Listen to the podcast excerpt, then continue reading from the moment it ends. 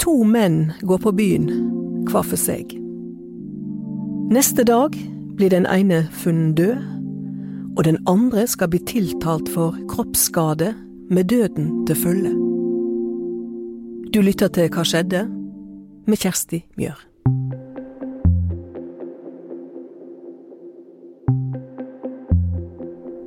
Første juni 2019 blir 43 år gamle Ronny Nygaard funnet død på en parkeringsplass i Åsane.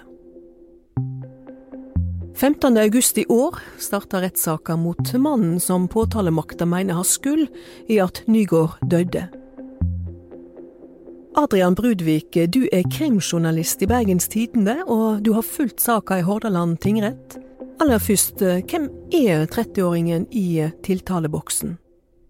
Nei, på papiret så fremstår han egentlig som en ganske vanlig fyr. Han er småbarnsfar, han har en samboer, de har vært sammen i mange år. Og for å gjøre det helt klar, han er ikke tiltalt for drap?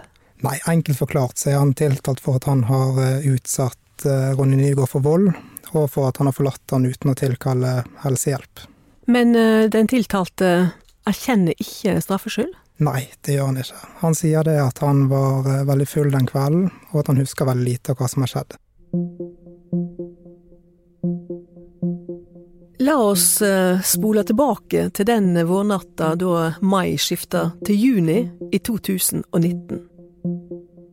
Det er fredag og helg, og Ronny Nygaard har fri fra jobben som billettør på ferja mellom Breistein og Valestrand.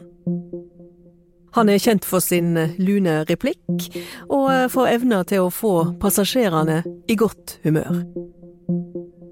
Fredag 31. mai går han på byen, og eh, når klokka dreg seg mot tre om natta, tar han 30-bussen hjem til Åsane, der han nylig har kjøpt seg leilighet. Han går av på Åsane terminal. Det gjør òg tiltalte. Dagen etter blir Nygård funnet død og blodig på en parkeringsplass like ved Rema 1000 i Hesthaugvegen, knapt 200 eh, meter fra terminalen. Til å begynne med er hovedhypotesen til politiet at eh, dette er ei ulykke. Og først eh, seks dager etter at han ble funnet død, så ble denne kvinnen som varslet om dødsfallet, tatt inn til avhør. Og i det avhøret så sa hun det at hun fant Ronny Nygaard, annet med en bjørkekvist som var surret rundt eh, halsen på ham. Og det var da, seks dager senere, at eh, politiet tenkte at eh, vi slår drapsalarm. Rettsmedisinerne blir bedt om å undersøke avdøde på nytt. Det dreier seg nok om at politiet ganske tidlig tenkte at de sto overfor en ulykke det tok som nevnt litt tid før de startet en drapsetterforskning. Og da den første obduksjonen ble gjennomført, formidlet også politiet til rettsmedisinerne at de mistenkte en ulykke. Og det kan jo også ha påvirket hvilken funn de gjorde. Et eh, overvåkingskamera har fanget opp at tiltalte og Nygård gikk eh, sammen fra bussterminalen mot Rema 1000. 19 dager etter at Nygaard blir funnet død, blir tiltalte kalt inn til avhør som vitne. Politiet får inntrykk av at han ikke snakker sant, og sikter han for falsk forklaring. Politiet så jo på overvåkningskamera at Ronny Nygaard hadde kontakt med en mann på Åsane terminal. Og denne mannen identifiserte de til å være han som nå er tiltalt, og de tok han inn til et uh, vitneavhør så da hadde han ikke status som siktet eller mistenkt i saken på det tidspunktet. Så har han i løpet av det avhøret da forklart seg inn i en siktelse, og da har politiet fattet eh, sterkere mistanke mot han. I august blir siktinga enda mer alvorlig. Natt til 1.6 ble 43 år gamle Ronny Nygaard funnet død på en parkeringsplass i Åsane. Nå er en mann i slutten av 20-årene siktet for drap. Han sitter i kveld i avhør hos politiet. Politiet får òg svar på DNA-prøver. I handa til Nygård finner de DNA fra tiltalte. Og da politiet gjør beslag i heimen hans, finner de blod fra Nygård på ei jakke og ei bukse. Tiltalte har forklart at han ikke var på åstedet, men politiet tar i bruk en ny etterforskningsmetode i 2019, nemlig posisjonsdata fra Google.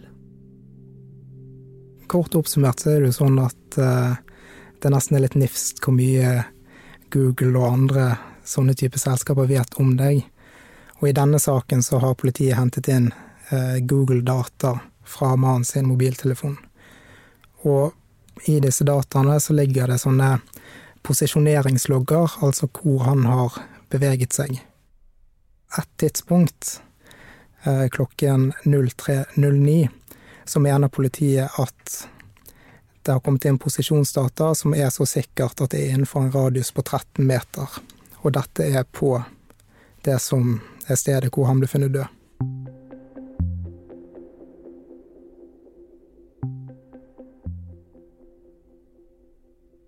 Fem minutter før, klokka 03.04, slutta pulsklokka til Nygård å registrere aktivitet. 44 minutter etter at tiltalte og Nygård går av bussen, tar tiltalte en drosje fra Rollandskrysset nær terminalen. Og et av spørsmålene som politiet da stiller, er hvorfor brukte han så lang tid på å gå bort til denne plassen? I tillegg så regnet det mye den kvelden, og politiet har også stilt seg spørsmålet hvorfor ventet han ikke inn i terminalbygget? Eh, det er jo også sånn at det gikk en eh, annen buss som han kunne tatt hjem, som gikk på et tidligere tidspunkt, men han valgte altså å ta denne taxien senere. Ifølge BA reagerer drosjesjåføren på at eh, tiltalte snakker engelsk med en slags eh, skotsk aksent, før han betaler med bankkortet sitt. Passasjeren er med andre ord lett å spore opp. Så fant jo også politiet på hans mobiltelefon hyppige nettsøk på BT og BA sine nettsider dagen etter eh, at Ronny Nygaard ble funnet død. Og de har gjort en analyse av hans nettrafikk som viser at normalt sett så besøker han VG, og ikke så mye BT og BA. Så de mener at det var unormalt høy aktivitet på BT og BA denne dagen. En 30 år gammel mann sa i retten i dag at han nekter straffskyld for dødsfallet til Ronny Nygaard. 43 år gamle Nygaard ble funnet død på en parkeringsplass i Åsane i mai 2019. 30-åringen er tiltalt for grov kroppsskade med døden til følge, samt å ha forlatt en person i hjelpeløs tilstand uten å tilkalle hjelp. Ja, hva motiv mener da påtalemakta at eh, tiltalte skal ha hatt? Denne saken har vært omtalt som et eh, mysterium fra begynnelsen av. Og Bakgrunnen her er jo at tiltalte sier at han ikke husker hva som skjedde den kvelden, men at han aldri kunne ha gjort noe sånt som dette her. Hvordan har tiltalte framstått i retten? Rolig og fattet. Han har i grunnen ikke gjort så veldig mye ut av seg, og veldig mange av spørsmålene som han har fått, har blitt besvart med at det vet jeg ikke. Statsadvokaten har lagt ned påstand om sju års fengsel, medan forsvareren til tiltalte ber om full frifinning. Han mener at det er store mangler i politiets etterforsking, og han sa på rettens siste dag at han ikke veit hva Nygaard døde av, og iallfall ikke hva som skjedde. Dom er venta i første halvdel av september.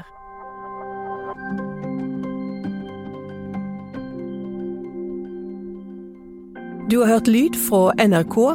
Det er Anne Offstad og Kjersti Mjør som har ansvaret for denne episoden av Hva skjedde?